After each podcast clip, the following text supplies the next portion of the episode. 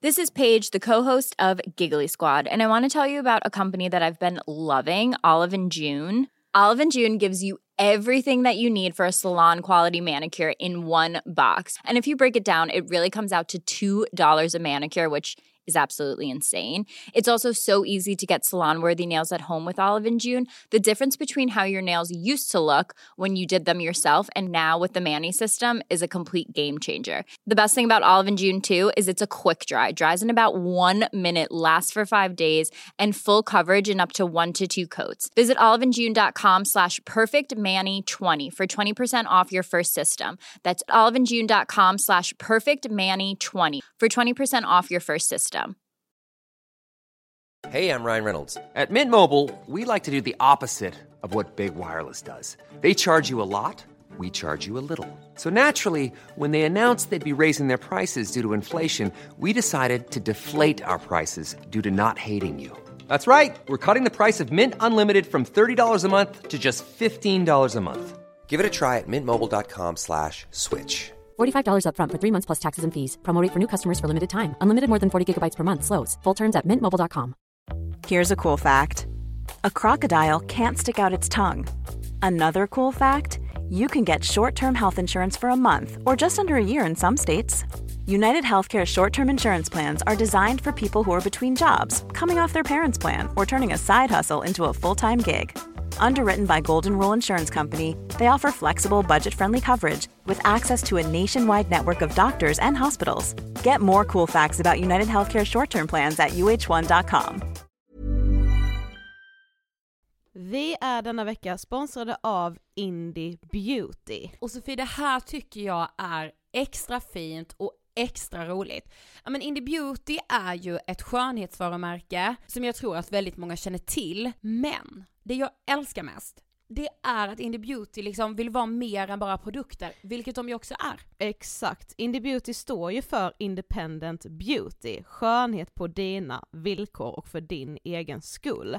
Och Indie Beauty tror ju stenhårt på ett alternativt skönhetsideal fritt från måsten, skam och känslor av otillräcklighet. Där är jag helt med Indie Beauty. Jag med. Det är så jag vill att skönhet ska vara. Ja men verkligen. Och vet du vad som är nytt för i år Sofie? Berätta. Från och med i år så skänker Indie Beauty 1% av sin försäljning till Suicide Zero, Tjejzonen och Djurens Rätt. Så när man handlar produkter från Indie Beauty så kan man liksom känna att man också ger tillbaka till samhället. Ja, kraften i tillsammans. Ska jag säga en sak nu då, Mm. som jag, det, men det är detta jag är extra glad över.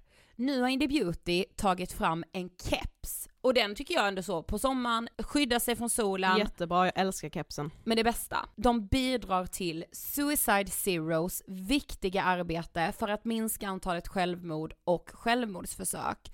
Så för varje såld keps så går hela vinsten, 100 kronor, direkt till Suicide Zero. Då kan man liksom göra nytta både för samhället och sin hud på en och samma gång. Ja, och kepsen kostar 169 men alltså hela vinsten går då som sagt till Suicide Zero. Mm. Så om man vill göra skillnad när man är där ute i solen, nu när den börjar titta fram, då ska man välja den här kepsen. Den säljs exklusivt på indiebeauty.se och på Apotea. Tillsammans kan vi skapa en ljusare framtid. Vi ses med kepsarna på! Tack Indie Beauty. Vi är sponsrade av Mindler och som ni säkert vet sedan tidigare så är vi ju ute på psykologresan tillsammans. Men hur vet man egentligen när det är dags att söka hjälp? Ibland uppstår saker i livet som kommer utmana oss och kännas tufft. Det mesta självläker vi oss igenom, för vi är menade att ta oss igenom en viss mängd påfrestningar. Men ibland behöver man professionell hjälp för att ta sig ur jobbiga perioder i livet. Men vart går då gränsen? Vad är en del av livets skavighet och när är det läge att söka hjälp? Det sägs till exempel att stress är farligt, men att det också kan vara bra. Alla sover dåligt ibland, så när har man egentligen sömnproblem? Ångesten kommer väl krypande för de flesta någon gång. Så när ska man se ångesten som outhärdlig? Hur vet jag? Med oss som psykolog har vi såklart min gamla psykolog Linnea Seidbrant. Men Linnea, vad är egentligen utmattningssyndrom? Utmattningssyndrom är en konsekvens av svår och långvarig stress utan möjlighet till återhämtning. Vi är ju då skapta för att klara av stress, men vi behöver också återhämtning. Om du utsätts för för mycket stress under en lång period utan att du får till den nödvändiga återhämtningen så kommer kroppen till slut att säga ifrån. Och det är faktiskt så att alla har en gräns. Du kan drabbas av en rad fysiska eller psykiska besvär som trötthet, sömnproblem, hjärtklappning, besvär från magen och tarmarna och mycket annat. Och det här är ju då varningssignaler och tecken på att du kan behöva göra någonting åt din situation. Annars så kan besvären utvecklas till att du mår så dåligt på sikt att du blir psykiskt och fysiskt utmattad. Ladda ner Mindler till din telefon och läs mer på mindler.se.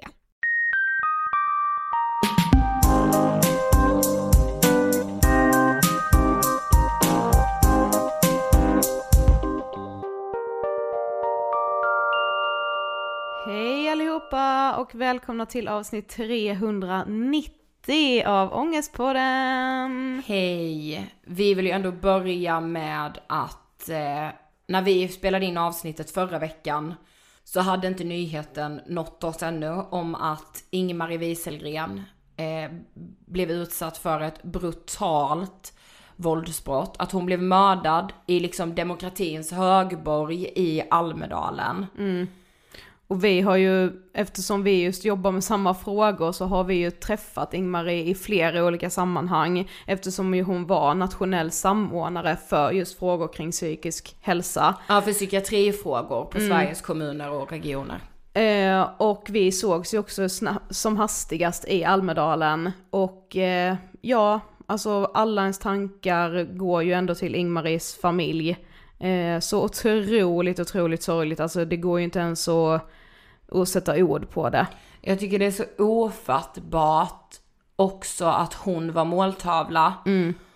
Eh, och att, ja men det känns verkligen som att alla vi som har jobbat eh, under många år med de här frågorna har ju såklart stött på Ingmarie i många sammanhang för hon Ja, var ja. ju så. Hon brann för de här frågorna. Hon var med i alla forum som tänkas kan för att lyfta frågorna om, ja men framförallt då psykiatri. Eh, och det ser man ju verkligen nu hur alla liksom, jag tycker det har varit så fint att läsa allas liksom minnen av henne. Vilka, liksom hur man minns henne när man har träffat Ingmarie. Eh, Hon har sannoliken gjort både intryck och avtryck. Verkligen. Man blir liksom, alltså det känns ju som att Almedalen aldrig mer kommer bli sig likt samtidigt som det känns viktigare än någonsin. Att Almedalen fortsätter. Eh, och jag läste att hennes familj hade också uttalat sig och sagt det att men Ingmarie fick vara, den sista tiden i sitt liv fick hon vara där hon verkligen älskade att vara i form av att eh, ja men visa sitt brinn i de här frågorna och det tror jag ingen har missat. Nej, verkligen inte. Eh, vi har ju tagit lite semester, Precis. men podden rullar ju hela sommaren precis som vanligt. Men vi är kanske lite sega på Insta-DM nu. Det kommer vi ju faktiskt vara. Ja, Men vi kommer ju liksom, alltså om vi ställer en fråga eller om det är sådär, då, då eh, svarar vi ju. alltså jag koll. vet ju att jag kommer ju liksom, min anda kommer ju falla på några gånger i sommar när man ligger typ en sån dag och har skittråkigt, inte gör någonting, typ inte har Ja. orkat rulla upp rullgardinen och köra en liten frågestund liksom. Hundra. Det sker ju alltid. Men som ni vet, Ja men exakt, men jag tror också liksom att man kan känna, jag, jag börjar ju känna behovet ganska fort vet ju jag när jag Ja. är ledig. Efter att så, jag vill ha kontakten eller vad tänker ni om det här eller så. Och bara för det så, så ställde jag faktiskt en fråga till er för eh, ja, men några dagar sedan på Instagram och ni får gärna när ni hör det här nu också skriva.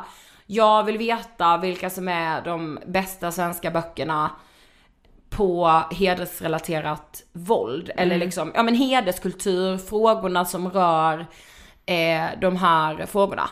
Eh, och någon, jag vet att någon frågade om så här, ah, men ska det vara eh, roman, ska det vara fackligt och så, alltså helst fack. Men eh, allt är verkligen eh, av intresse. yes. Så tipsa oss gärna om det. så har vi lite sommarläsning. Ja.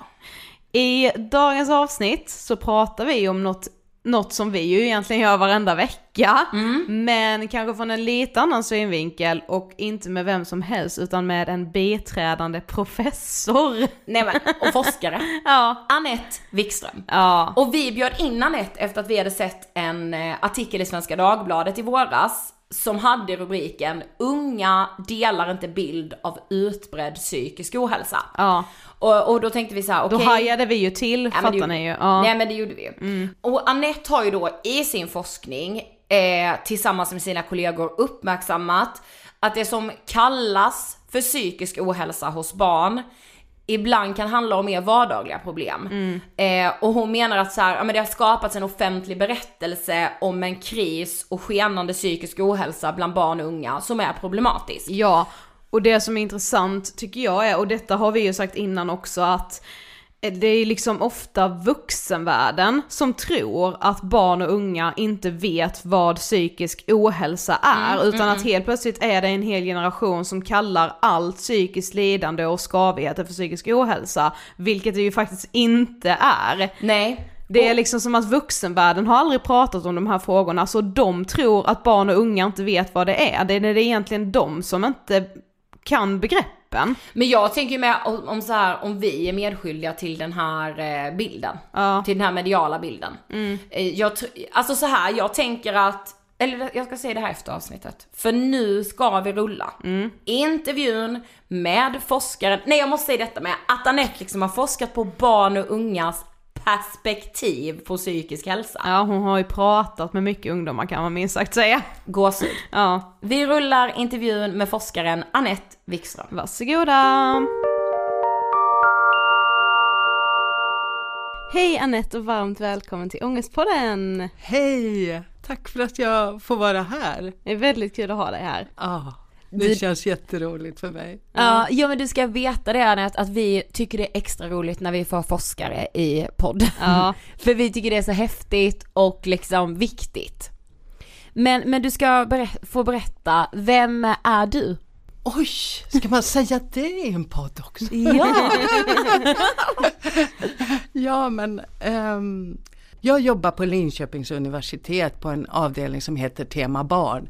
Så jag håller på med tvärvetenskaplig forskning om barn och barndom och att se hur konstruerar vi barn och barndom. Så att vi tittar på barn och barndom med ögon från eh, psykologiskt håll, pedagogiskt håll, sociologiskt, antropologiskt. Och jag har en bakgrund som antropolog och eh, eh, gjorde min avhandling i Sydafrika ute på eh, landsbygden i KwaZulu-Natal. Eh, och intresserar mig för hur vi ordnar våra liv, hur vi konstruerar våra liv, också hur vi pratar om våra liv och tänker om det. För det präglar ju också hur vi agerar. Så både hur man förklarar sitt liv men också hur man gör i vardagen när man lever sitt liv. Och jag är intresserad av hur vi interagerar och, och lever tillsammans och, och pratar om våra liv. Åh, det är så spännande. ja det är så spännande. Och som på tema barn har jag då eh, mycket ägnat mig åt, åt att forska om barn och unga och psykisk hälsa. Men sen måste jag ju bara svara på att jag har ju också fått barnbarn. Ja! Och tre av dem finns här i Stockholm så att det är Ja. ju toppen att få komma hit och först få möta er och sen få gå och gosa med barnbarnen. Vilken dag! Ja, helt magiskt. Ja. Men vad tänker du på när du hör ordet ångest? Ehm, ja, dels tänker jag på att jag eh, själv säger det då och då.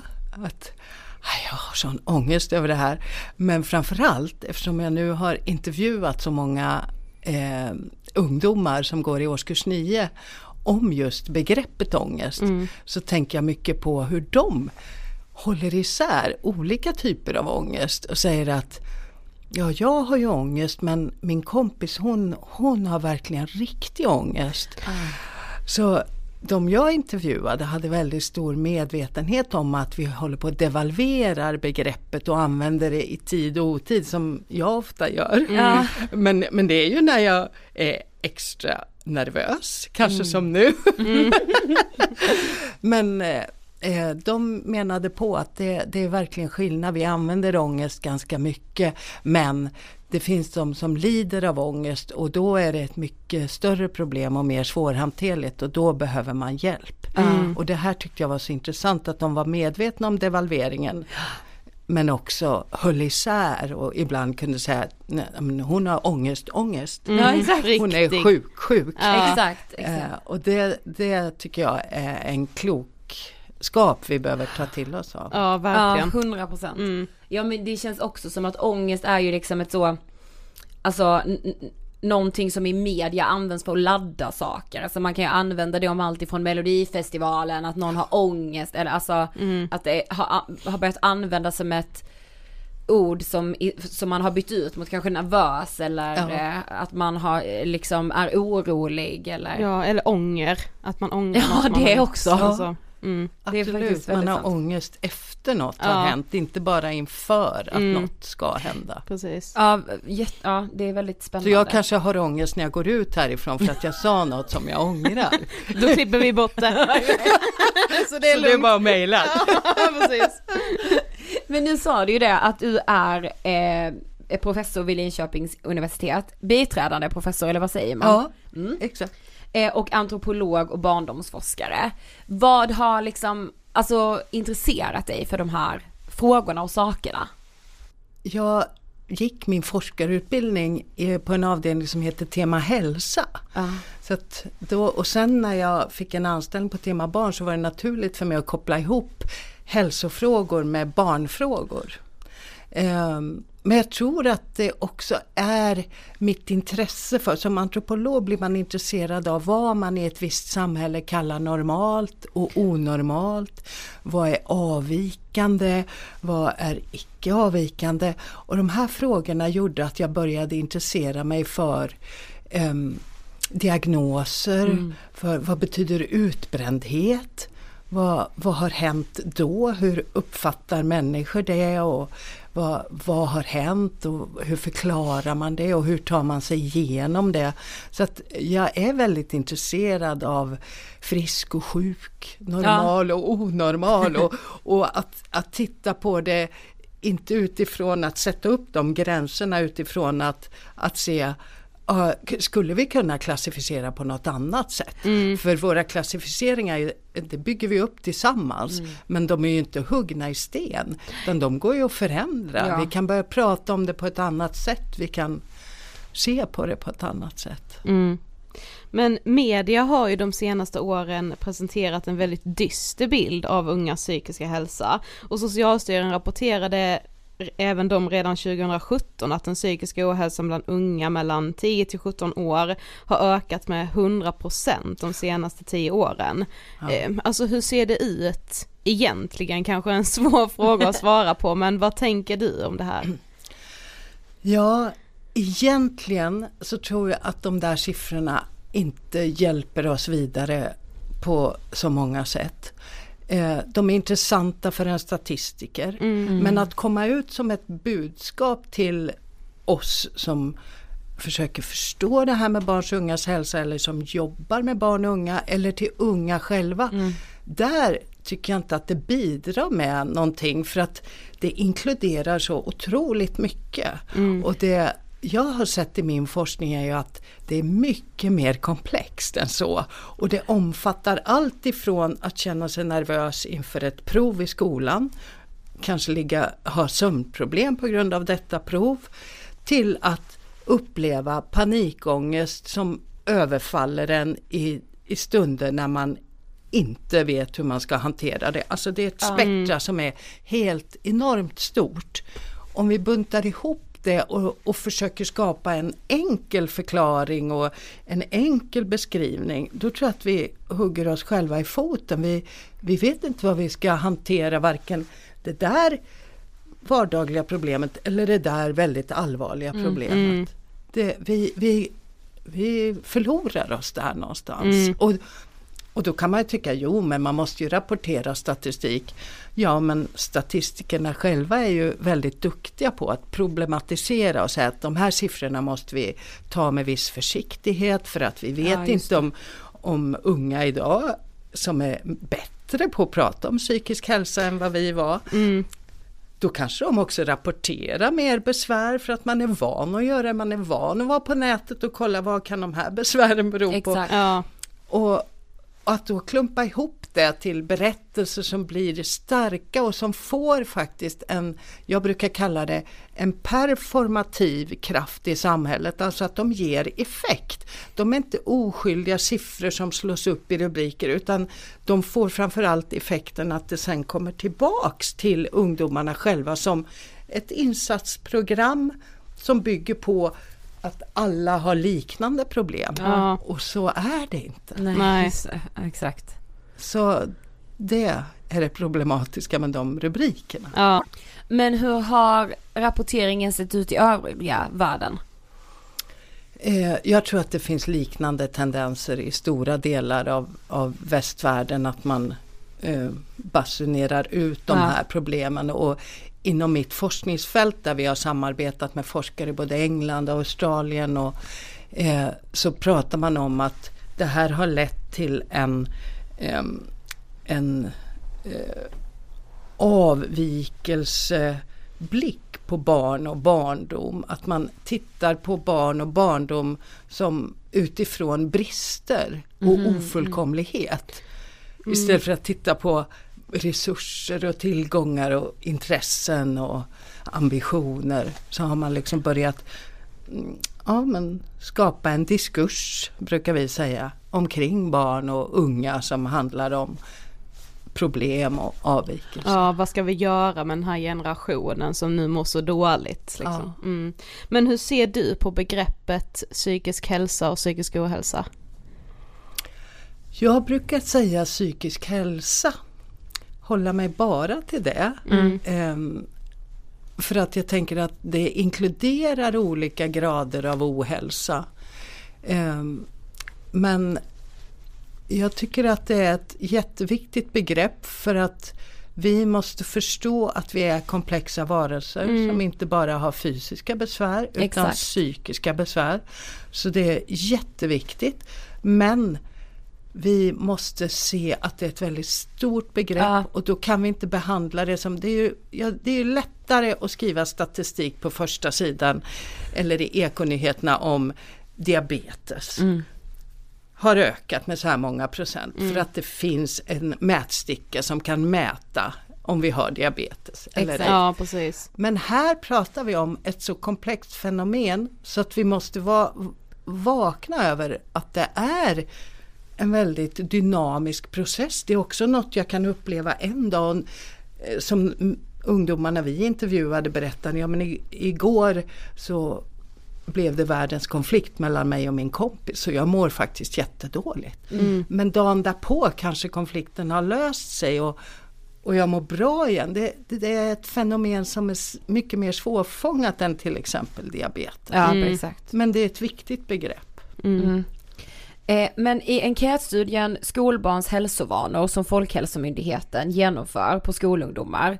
Vi, vi sa det att vi drog oss till minnes att den måste ju ha gjorts när vi Ja. gick i skolan också. Man kommer liksom ihåg det på något Så sätt. det var kul att se vad man själv svarade. Ja. Men ja.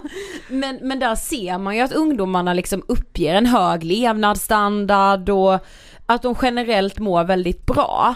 Ehm, samtidigt då som väldigt många också uppger psykiska besvär som sömnbrist, huvudvärk, ont i magen. Alltså hur hänger det ihop? Ja, ehm, vi i det här projektet så eh, för det första vill jag bara säga att vi är inte ute efter att ehm, avfärda Nej. den här studien. Men vi tog i avstamp i den här studien och det är en väldigt omfattande enkät med över hundra frågor om man räknar med delfrågor och så. Eh, som eh, försöker pe- pejla många viktiga aspekter hos barn och unga.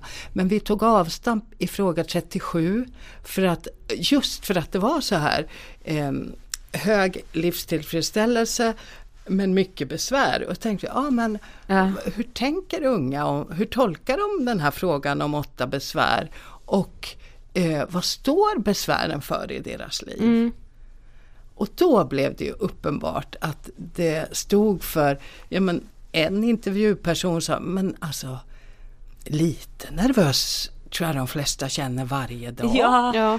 Eh, Så att det var, det var mycket som kom fram som visade på att, att de här besvären är en del av att vara människa. Och det, och det förklarade ungdomarna. Så det var inte så att de eh, tänkte på det som psykisk ohälsa. Nej, utan- nej, och det här är, alltså för vi har ju själva känt när vi pratar med ungdomar och när vi pratar med vuxna att man, det är lite som att vuxenvärlden, säger nu med citationstecken, har en bild av att det är de unga som tror att allt är psykisk ohälsa. Och vi bara nej, vilken ungdom tror att bara för att de typ har blivit dumpade av sin pojkvän så lider de av psykisk ohälsa, det är hjärtesorg och de vet det. Men det är som att vuxenvärlden tror att ungdomarna känner efter jättemycket och tror att minsta lilla skavighet är samma sak, eller då har, lider man av psykisk ohälsa. Så det, det var det som var så skönt när man läste de texterna som du har skickat till oss, att så här, nej ungdomarna vet att liksom bara för att man har sovit dåligt en natt så behöver det inte det betyda att jag är på väg in i en depression.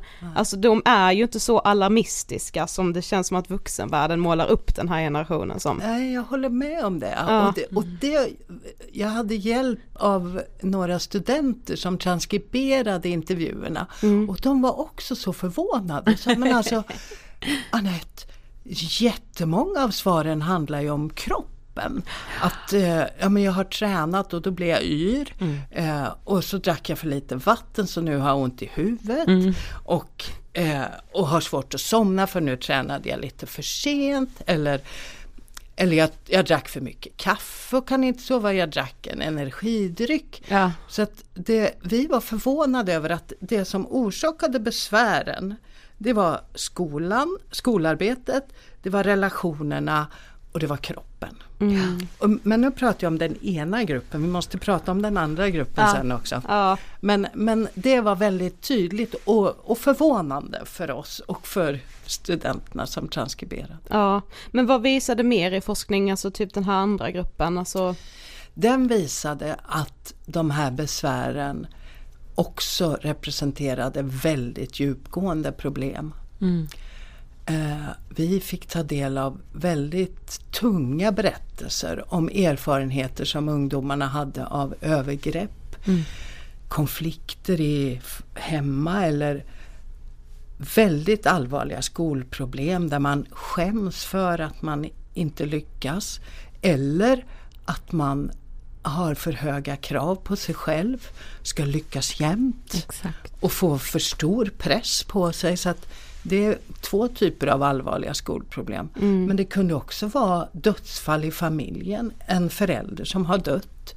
Eh, eller någon olycka man har varit med om. Det var, det var väldigt tunga berättelser som vi fick del av där.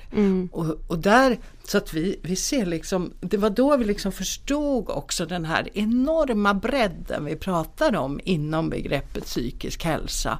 Och att här mötte vi en grupp som behövde definitivt hjälp, individuell hjälp från sociala myndigheter eller barn och ungdomspsykiatrin eller kurator på skolan eller en lärare som hade möjlighet att engagera sig. Så att det, men, men det som var intressant där var ju också att det ofta var en problematisk situation som skapade den här psykiska ohälsan som var ganska djupgående. Men de som var i den gruppen, alltså där det var mer djupgående psykisk ohälsa, eh, kände ni att de var medvetna om allvaret i det och att de visste att de behövde hjälp och fick de hjälp?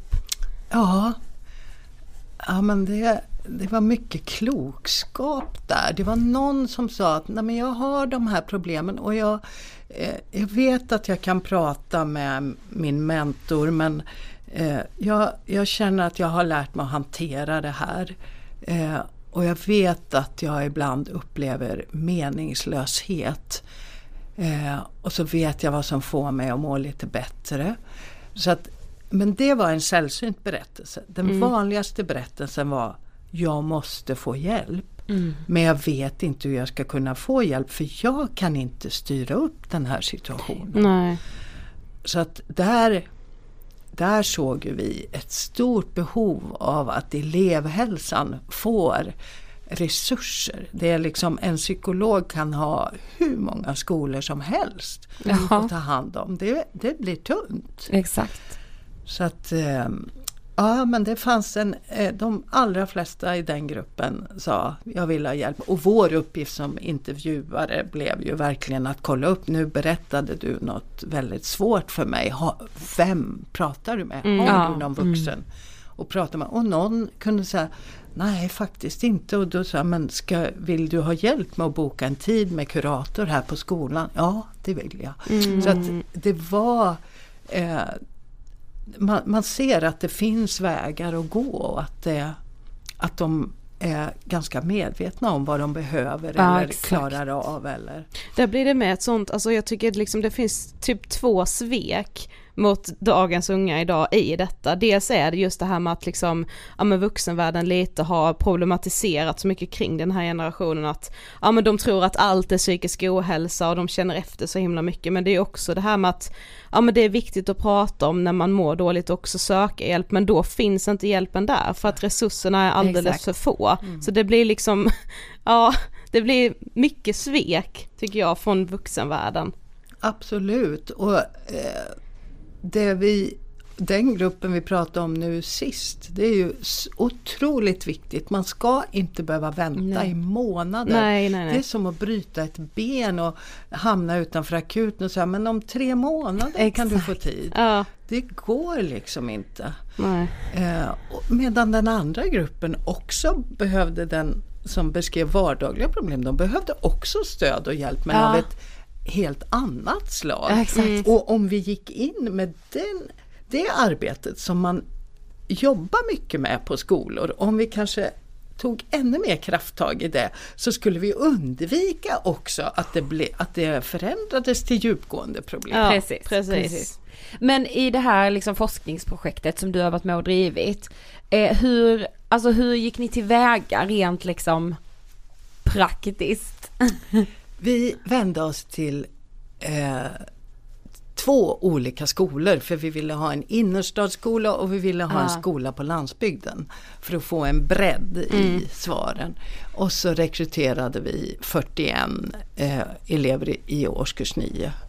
Ehm, och eh, kom dit först och berättade om projektet och sen återkom vi när vi hade fått svar vilka som ville vara med.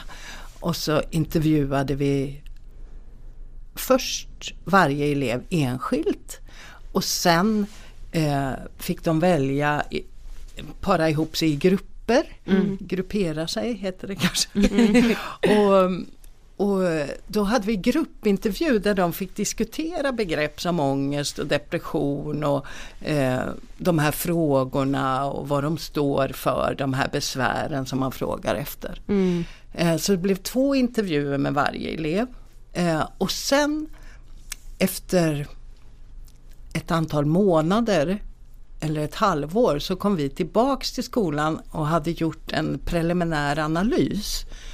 Och så presenterade vi, vi uppfattar det så här och då ville vi ha eh, lite feedback.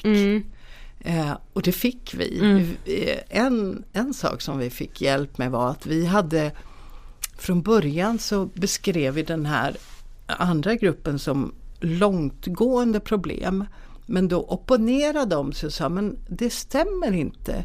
Det, det kan vara ett kort och det kan vara en plötslig händelse som gör att jag faller rakt ner. Ja, exakt. Förstås, om man mister en förälder eller eh, är med om ett övergrepp. Så de, de hjälpte oss att komma fram till att den gruppen med Mother's Day is around the corner. Find the perfect gift for the mom in your life with a stunning piece of jewelry from Blue Nile. From timeless pearls to dazzling gemstones, Blue Nile has something she'll adore. Need it fast? Most items can ship overnight. Plus, enjoy guaranteed free shipping and returns. Don't miss our special Mother's Day deals. Save big on the season's most beautiful trends. For a limited time, get up to 50% off by going to BlueNile.com. That's BlueNile.com. I'm Sandra, and I'm just the professional your small business was looking for. But you didn't hire me because you didn't use LinkedIn jobs. LinkedIn has professionals you can't find anywhere else, including those who aren't actively looking for a new job but might be open to the perfect role, like me. In a given month, over 70% of LinkedIn users don't visit other leading job sites. So if you're not looking on LinkedIn, you'll miss out on great candidates like Sandra. Start hiring professionals like a professional. Post your free job on linkedin.com/people today. A lot can happen in three years, like a chatbot may be your new best friend. But what won't change? Needing health insurance. United Healthcare Tri Term Medical Plans, underwritten by Golden Rule Insurance Company, offer flexible, budget friendly coverage that lasts nearly three years in some states. Learn more at uh1.com. represent, bättre representeras av begreppet djupgående problem. Ja. Det var bara ett exempel men Mm. det är väldigt spännande att komma tillbaks och berätta. Vi, vi har tolkat era svar så här. Mm. Eh, vad säger ni? Fint med då att bara nej nu har ni faktiskt missuppfattat. så klokt. Det- Ni skulle kunna, Ja, vi kan, kan hjälpa er här. Ah, så intressant. Men hur tror du då att medias rapportering påverkar ungas egna uppfattning om den psykiska ohälsan? Ja men jag, jag ser ju hur man har i många olika sammanhang forskat om vad våra berättelser gör med oss. Vi är ju inte ibland, eh, första gången jag gjorde en intervju med eh, utbrända lärare eh, så kände jag mig besviken för när eh, den läraren kom in i rummet så sa personen att ja, jag var på världens bästa föreläsning igår kväll om utbrändhet. Så nu ska jag berätta för dig. Och, och jag var student och tänkte, men nej, vad tokigt, jag vill ju höra vad du tycker. Ja. Och, men det finns ju inte, vi tycker ju det vi kan och det vi har läst på och det vi har lyssnat på. Det, självklart har vi ett inre där vi tänker själva men allt är ju påverkat av vårt tal Mm. om saker och ting. Och därför, jag kan inte tänka mig, om, om jag en gång i månaden läste i tidningen att ehm, forskare på universiteten mår fruktansvärt dåligt eh, och deras besvär har ökat. Det har de säkert gjort. Men ehm, om jag fick en bild beskriven av min yrkeskategori eller av min ålderskategori att nej men, de mår inte bra, de känner oro, de har svårt att sova. Alltså jag vet inte om det skulle gynna min tanke om mig själv. Och om vi är oroliga för att, att unga eh, kanske söker vård när någon har gjort slut och det kanske snarare vore bättre att prata med någon. Då är ju inte den, den bild och berättelse vi skapar kanske inte optimal om vi hela tiden ska rapportera. För vi glömmer ju också, det är ju inte bara det att att vi rapporterar det utan det är också att det döljer andra saker. Ja. Våra diskurser döljer andra samtal. Så vi kunde ju prata om barns och ungas längtan och ambitioner och, och behov av en bostad även om man växer upp i Stockholm. Och, alltså det finns så mycket. Vi skulle, och som du nämnde om eh, det här att vi inte kan ta om hand Ja, exakt. när någon mår dåligt. Ska jag vänta så här länge? Vi kunde ju prata mer om behoven och så jag, tror- jag tror att det inte är optimalt att, att föra fram en retorik om det här hela Nej. tiden. Men, men i er forskning så skiljer sig måendet mellan tjejer och killar. Eh, och liksom också hur man talar om psykisk ohälsa mellan, eller vad, vad gäller killar och vad gäller tjejer. Hur, hur då? Jag måste säga att vi inte såg den skillnaden Nähä, så mycket. oj. Ja men det är Ja. helt, det är helt okej för i Ja. det jag skriver refererar jag till annan forskning. just det. Mm. Så att det, det är helt korrekt. Ehm, men vi... Jag tror också att vi var präglade av att vi hade läst på tidigare forskning som försökte visa på genom intervjuer med unga att tjejer och killar pratar på olika sätt. De kanske inte mår så olika och kanske inte upplever vardagen och, och svåra problem på så olika sätt. Men man pratar om det på olika sätt och man har olika attityder. Mm. Killar har förstås en, ett manlighetsideal att förhålla sig till och tjejer har ett kvinnlighetsideal Mm. att förhålla sig till. Så att, och i och med att vi hade det med oss in i de här intervjuerna så försökte vi lyssna på både tjejer och killar. De flesta som slog sig ihop i grupper slog sig ihop med antingen tjejer Mm. eller killar. Ja, Sen det. några av Mm. grupperna där slog de sig ihop i blandade. Så Mhm. det var väldigt roligt. Men då var vi väldigt uppmärksamma på hur pratar man. Eh, och där kunde jag se i någon av killgrupperna jag hade så var man väldigt outspoken och pratade öppet om sina psykiska hälsoproblem. I en annan grupp kunde jag se att eh, en kille som hade berättat om ganska jobbiga problem i den individuella intervjun inte sa något om det i gruppintervjun. Ja. Så det, det kan vara ett tecken på att, att det bekräftar tidigare forskning. Mm. Ja, just det. Så att, eh, jag tror att, att det är lite missvisande om vi tror att det här är en genusfråga. Ja, jag exakt. tror att det är en människofråga. Man får inte göra det till en genusfråga i alla fall att så bara Nej, unga precis. tjejer mår så himla dåligt liksom. Nej. Mm. Det är nog en förenkling. Ja, men ni pratade ju mycket då med deltagarna om det här som de själva sa vardagliga problem och som de ju själva hellre sa djupgående problem än långtgående problem. Men hur beskrev de själva dessa problemen och var går liksom gränsen då mellan vardagliga problem och djupgående problem? Ja, det här är ju intressant hur, hur vi har delat upp det. Och den här, det här behovet av att säga så eller så, Ja. eh, det, det är ju, präglar ju forskning och analyser till viss del. Men här var det så uppenbart ungdomarnas berättelser. Så att eh, någon kunde betona, ja, men jag, jag har jätteont i huvudet just nu för att vi har mycket prov. Men jag, i grunden mår jag bra. Mm. Eh, och den, den där uppdelningen medan en annan kunde säga eh, men jag, jag upplever jättemycket av de här åtta besvären och det beror på att mitt liv är skit. Ja. Så att det blev, eh, vi kom inte ifrån det. Jag försöker alltid tänka, ja, men vi kan inte liksom ha det här dikotoma, eh, antingen är det så eller, är Eller det så. så. För jag förstår Mm. ju också att ett djupgående problem kan ju minska av och så, Ja, ja. och så behöver man exakt samma som alla de med vardagliga problem. Man behöver också bättre skolmiljö och tillgång till Mm. eh, bra provschema och inte att allt hopar sig på en gång. Och de med vardagliga problem kan ju, kan ju lätt bli ett djupgående Mm, problem. ja. Så att den där gränsen finns ju egentligen inte. Nej. Men vi skapade den utifrån hur berättelserna såg ut. Och jag brukar kalla det att vi fick två olika narrativ. Ja. Och vi blev tvingade att förhålla oss till det. Ja. Det Ungdomarna var jätteintressant. jättenoga med den uppdelningen. Ja. Ja, gud det är så intressant. Ja.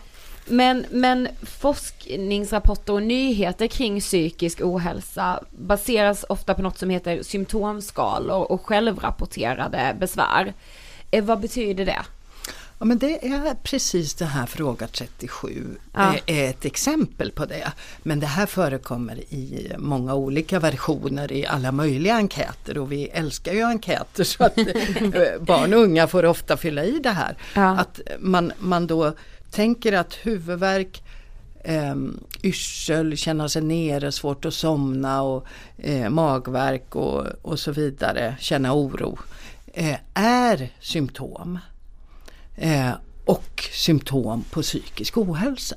Så att man drar den slutsatsen om någon rapporterar mer än två besvär i veckan så klassificerar man det som psykisk ohälsa. ja, det är typ lite som att ha den här stickan då för om man har diabetes eller ej. Ja. Ja.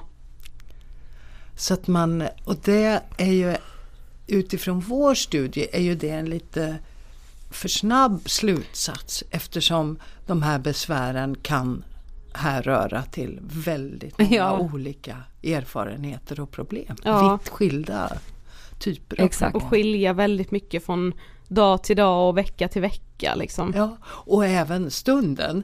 För Ja. flera av ungdomarna sa, ja men alltså, det där beror ju väldigt mycket på vad som hände på rasten innan Ja, precis. jag fyller i enkäten. Ja, ja men så är det ju. Precis. Det ber- beror ju på minsta lilla. att Så här, vad har jag fått för nyheter den dagen i form av så, hur gick det på förra provet eller vad är det för mat idag? Ja eller typ så, oj nu fick jag ett sms från den där personen som jag har saknat eller som jag har velat ska smsa mig eller Då är man superglad. Ja då blir man jätteglad för det, alltså ja. Men ni har ju också, alltså då de här besvären, de här åtta besvären, till exempel då känt, att man känt sig nere eller känt sig nervös. Det är ju de här exemplen då på besvär som man får fylla i de här eh, enkäterna. Men ni har ju också intervjuat de här personerna för att ta reda på hur man ens tolkar de här begreppen, alltså vad betyder det att vara nervös eller att känna sig nere? Eh, jag vet inte, jag tror att min tolkning förändras ganska mycket där också. Men varför är det viktigt att ta reda på hur man tolkar de här begreppen? Ja, det ungdomarna lyfte fram var att det är så svårt att veta vad frågan betyder. Ja. Menar de eh, lite nervös eller menar mycket nervös? Och det Mm. var då den här intervjupersonen sa lite nervös tror jag alla känner sig varje dag. Bara Exakt. det att ge sig iväg till skolan och Ja. eh, arbeta. Eh, och, och där är det ju så uppenbart att man arbetar med två bedömningssystem när man är i skolan. Man ska bedömas för sina prestationer och man bedöms i kamratgruppen. Precis. Vad är normalt? Hur ska vi bete oss? Och är jag en bra kompis? Blir jag innesluten eller utesluten?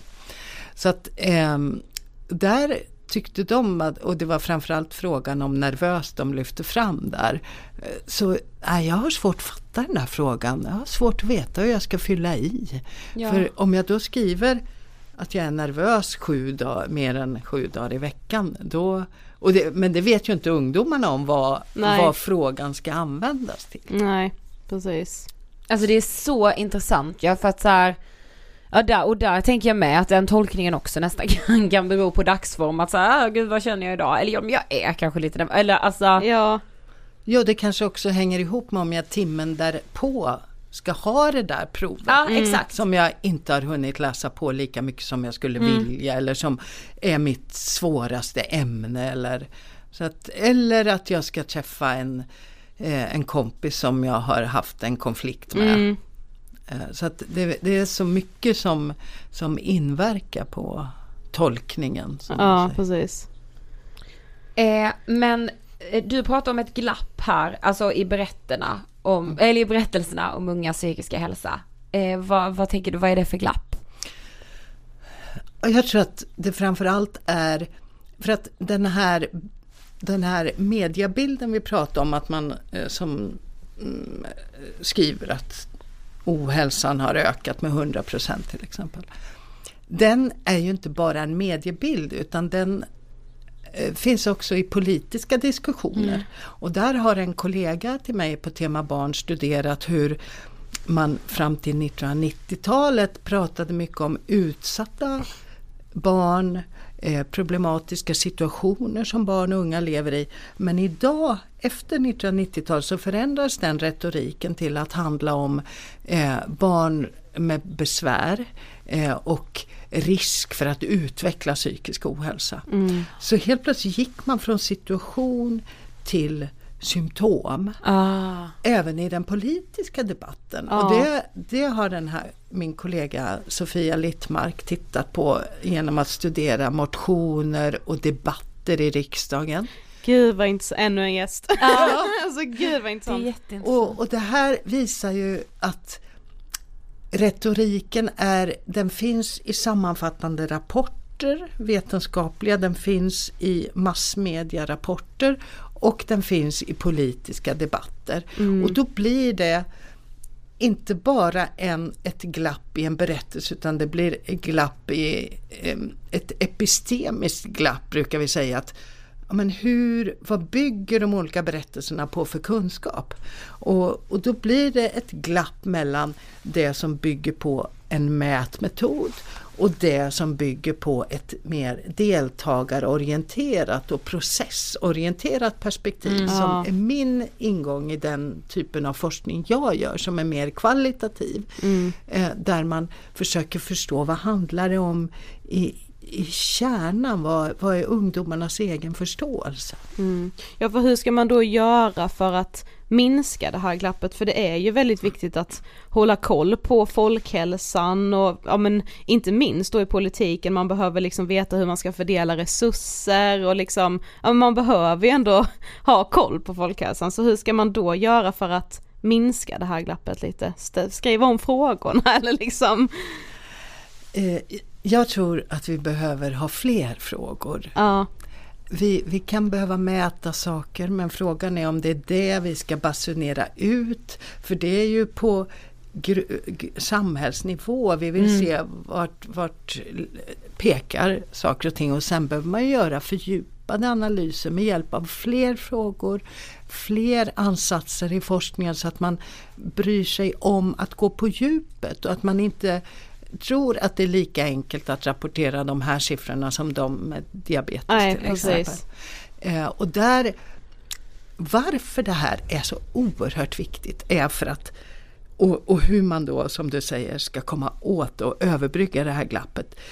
Det är att det som händer som vi ser är att man befinner sig i en komplex värld som skolan där man mäts och bedöms både i prestationer och relationer, Mm. kompisar och sociala. Och som är bara ett nätverk av relationer till vuxna, till lärare, till elevhälsan, till kompisar, eh, sociala medier, där pågår mycket av det sociala livet. Så det komplexa har en tendens att överföras till en individs huvud. Hur känner du dig? Eh, oro, ångest, depression, nervositet. Och då menar jag att det som blir så uppenbart i, for, i vår forskning är att det är inte här det sker. Så att vi behöver liksom återföra vårt intresse till, ja men vad gör vi här? Ja. Kan vi stötta de här gruppprocesserna med konflikthantering? Kan vi ge bättre stöd till de som har svårt att lyckas med skolan?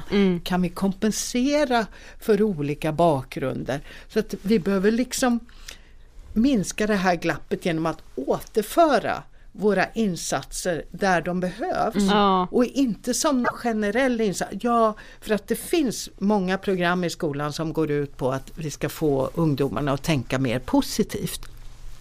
Och när vi tittar på våra ungdomar ser vi att det är ingen av dem som skulle bli hjälpt av att tänka mer positivt. De, de behöver antingen hjälp med sitt vardagsliv i skolan eller med en problematisk situation. Mm.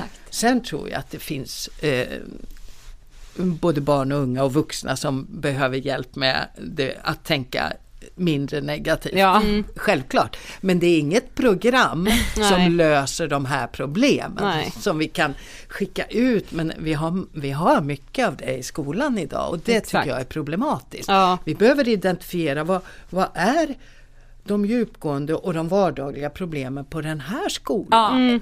Och hur går vi in där? Ja det är så sant. Ja. Men liksom om man ser på så hur unga lever sina liv idag, det har ju liksom förändrats radikalt de senaste åren med tanke på liksom digitaliseringen och hur livet på sociala medier ser ut. Alltså hur påverkar det unga idag tror du? Ja, det här är ju vårt nya forskningsprojekt. Nej, är det sant? Ja. Ja, så att vi, vi har börjat med att intervjua och här fick vi rådet att in, välja antingen tjejer eller killar. Ah, okej. Så vi började med tonårstjejer. Mm. Vilka influencers följer du som pratar om psykisk ohälsa?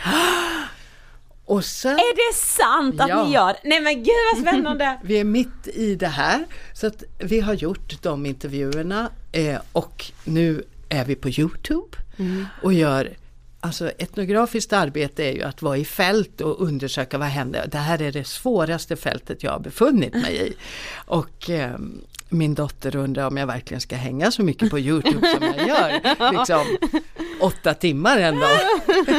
Så där befinner vi oss nu och försöker se hur skildras psykisk ohälsa här och på vilket sätt?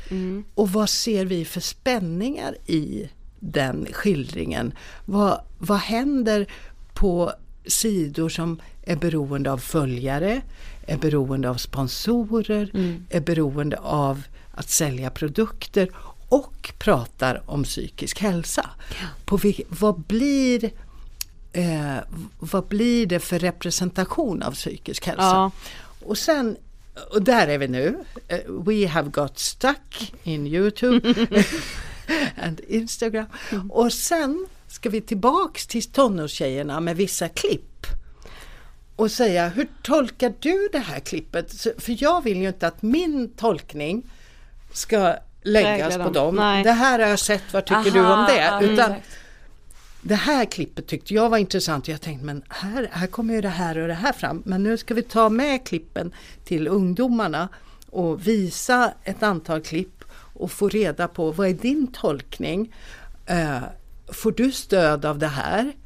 Händer något annat när du tittar på det här och så vidare. Så där befinner vi oss nu. Det var ett långt svar på Nej, det. men oj vad intressant. Ja men också ju, kanske att vi också är poddvärlden med kan man titta på. Alltså jag tänker, Ja. visst det är ju säkert lite samma alltså mekanismer även där som för YouTube. Visst YouTube tittar man också, det kanske tillför något- ja, det är så spännande. Ja där kanske man är då i forska. youtubers vardag där det helt plötsligt dyker upp alltså psykisk ohälsa då för att man, de kanske gör någon vlogg liksom. Ja, det är otroligt. ja, Ja, gud vad spännande. Ja. Men sen tänkte jag bara generellt så eh, ser jag ju hur sociala medier är ett enormt stöd.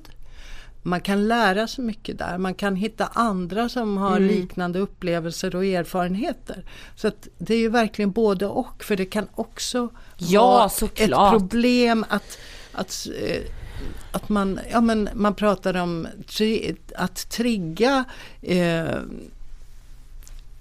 ätstörningar eller Mm. självskadebeteende. Så att, eh, och det här har ju inte i vår studie tittar vi inte på det, men det har jag läst från andra forskare om hur, hur båda sakerna sker. Så vi har mycket Mm. att hämta stöd och kraft men också finns det vissa varningsklockor. Ja, alltså, Ja det är så spännande. sjukt intressant. Men hur ser du då på framtiden och ungas psykiska hälsa? Ah, det har jag inte tänkt på. det måste jag tänka på nu. Ehm, ja, alltså, varje typ av intervjuer jag gör med, med tjejer och killar, eh, förut på högstadiet och nu på gymnasiet, så, Eh, så slås jag av mycket klokskap. Och att ja, men här finns mycket resurser och, och sånt som jag som eh, mamma och nu till och med mormor och farmor slås av. Så eh, att jag blir orolig för saker och ting.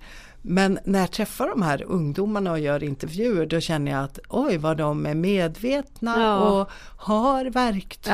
Jaha. Så att det finns så mycket kraft och energi och förmågor som vi kunde stötta. Istället för att måla upp den där bilden. Ja, Av, eh, så att jag, jag är hoppfull. Sen lever vi i ett samhälle som, som pushar åt, oss åt olika håll med starka eh, marknadskrafter och ehm, Ja men ett samhälle som har blivit mer individualiserat där var och en ska lyckas, vara sin egen lyckas med och ta sig fram. Ehm, och det där är, det måste ni ha ett, ett eget poddprogram om. och inte med mig kanske, det är inte mitt forskningsfält. Men jag tror eh, också att, att ungdomarna eh, tampas med det samhälle vi har byggt upp. Ja, så alltså. men klok, ja så jag skriver under helt på klokskapen, det har vi också märkt. Ja. Verkligen. Men, men och bara så här med, kan man, men om, det, det här är 10 000 kronors frågan, men kan man säga att psykisk ohälsa har ökat? Kan man fortfarande säga det? Ehm, jag brukar alltid säga att ja, men jag mäter inte och jag är inte expert på, på det. Men utifrån det vi har sett i den här studien och faktiskt utifrån vad väldigt många forskare, även de som jobbar med de kvantitativa metoderna säger idag, så är det nog inte så att den har ökat. Eh, det man framförallt ser, om vi då ska hålla isär ehm, allvarlig psykisk ohälsa och mer vardaglig psykisk ohälsa mm. så den allvarliga ser man ju på antal eh, besök mm. eh, på psykiatrin och diagnoser och där ser man ingen större ökning. Nej. Men eh, man ser också att eh, där finns ju också förklaringen att eh, när stigmat för psykisk ohälsa minskar så är det ju lättare att söka vård. Ja, exakt. Så att frågan är, är den är svår att mäta. Mm. Eh, men hur som så måste vi liksom ta tag i andra sidor hos barn och unga än bara prata om deras problem. Ja. Och en kris. Sant. Så. Då har vi kommit till sista frågan. Ja. Vad inspirerar dig? Ja men ni. ja, men att få prata med er om det här, det inspirerar mig. Ja, jag var skittrött när jag kom hit, men nu känner jag mig jättepigg. Det, det märktes inte när du kom Nej. in här heller. Nej, det kom som en stor stråle. Ja. Det här har varit så intressant. Ja, verkligen. Tack. Tack, Tack för att jag fick vara med. Tack.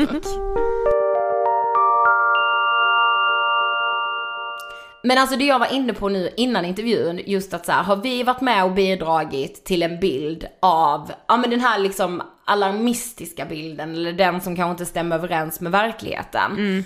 Och där vill jag faktiskt skriva dig och mig lite fria. Mm. Och vet du varför? Mm. För att jag känner att när man pratar om Ångestpodden medialt, alltså när vi själva inte får vara med och representera, alltså när man pratar om oss, mm. då är det ju så vi beskrivs. Att ja, då är det ju så, psykisk ohälsa ökar som fan. Ja liksom. och att så, äh, tjejerna som ska prata mer om psykisk ohälsa, det ja. har vi ju inte sagt sedan 2015. Nej. Så det är ju ganska så, lyssna på vår podd och eh, kolla vad vi säger istället. Mm. Alltså, ja för jag skulle säga, alltså så, Ångestpodden är, representerar vad ångest, alltså namnet Ångestpodden representerar innehållet. Ja. Det är ju allt ifrån att då ha ångest där det är kopplat till psykisk ohälsa, ja. men också den här vardagliga ångesten som vi vet är en del av livet. Exakt. Som som sagt Annette också påvisar, att unga också vet. Ja men också så, det är skitmycket som är svårt att förhålla sig till. Ja, och men det är, det är jättejobbigt att vara människa liksom. Nej. Men det har vi ju inte sagt heller, alltså Nej. det är det. men jag, alltså jag, man blir ändå så, hmm, var kommer den här bilden ifrån? Ja, precis. Men det vet jag att vi pratade om i vårt seminarium i Almedalen också, just ja. det här med att det känns ju som att det är vuxenvärlden som lite så, ja men knäpper till den här yngre generationen och tillskriver dem att de tror att allt är psykisk ohälsa ja. när man vet att det inte är så. Ja men det är verkligen sant. Ja skärpning, väldigt, vuxna. Ja men väldigt så spännande. Ja. Och att det också forskas på det här. Ja vadå, Anette berättade ju för oss sen också att just nu håller de ju på med en ny forskningsstudie där de kollar just kring så här, ja men hur ungas ideal förändras och påverkas via influencers som de följer i sociala medier. Det är ju otroligt spännande också. Det men då får hon komma tillbaka. Ja. När den är färdig då blir det Anette tillbaka i. Jajamän. Eh, det var allt vi hade att bjuda på. Det var det. Ni ska njuta av sommaren. Eh, och så vill jag återigen eh, vi har ju redan fått vår första så semesterbild från en som, in, ja. som låg inne i soffan, solen sken ute, persiennerna var nerrullade och det var en film på tv. Fortsätt skicka sånt till oss för vi älskar att Ja, se och det är helt okej. Okay. Ja, alltså jag vet inte hur många gånger jag ska behöva säga det till mig själv ens för att mm. jag ska förstå det. Nej, precis. Så eh. ni får gärna skicka det till oss så att vi blir påminda, för vi lever inte alltid som vi lär. Nej, nej, gud nej, långt ifrån. Ska gudarna veta. Ja men det var som sagt allt för den här veckan, men vi hörs ju som vanligt alltså nästa torsdag. Okej, okay, puss puss! Hejdå! Hejdå!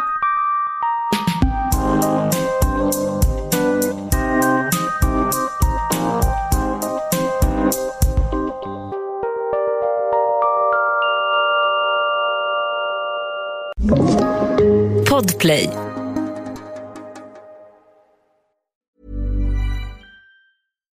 Deserves the best, and there's no better place to shop for Mother's Day than Whole Foods Market. They're your destination for unbeatable savings, from premium gifts to show-stopping flowers and irresistible desserts. Start by saving 33% with Prime on all body care and candles. Then get a 15-stem bunch of tulips for just $9.99 each with Prime. Round out Mom's menu with festive rosé, irresistible berry chantilly cake, and more special treats. Come celebrate Mother's Day at Whole Foods Market. Hey, it's Paige DeSorbo from Giggly Squad. High quality fashion without the price tag. Say hello to Quince.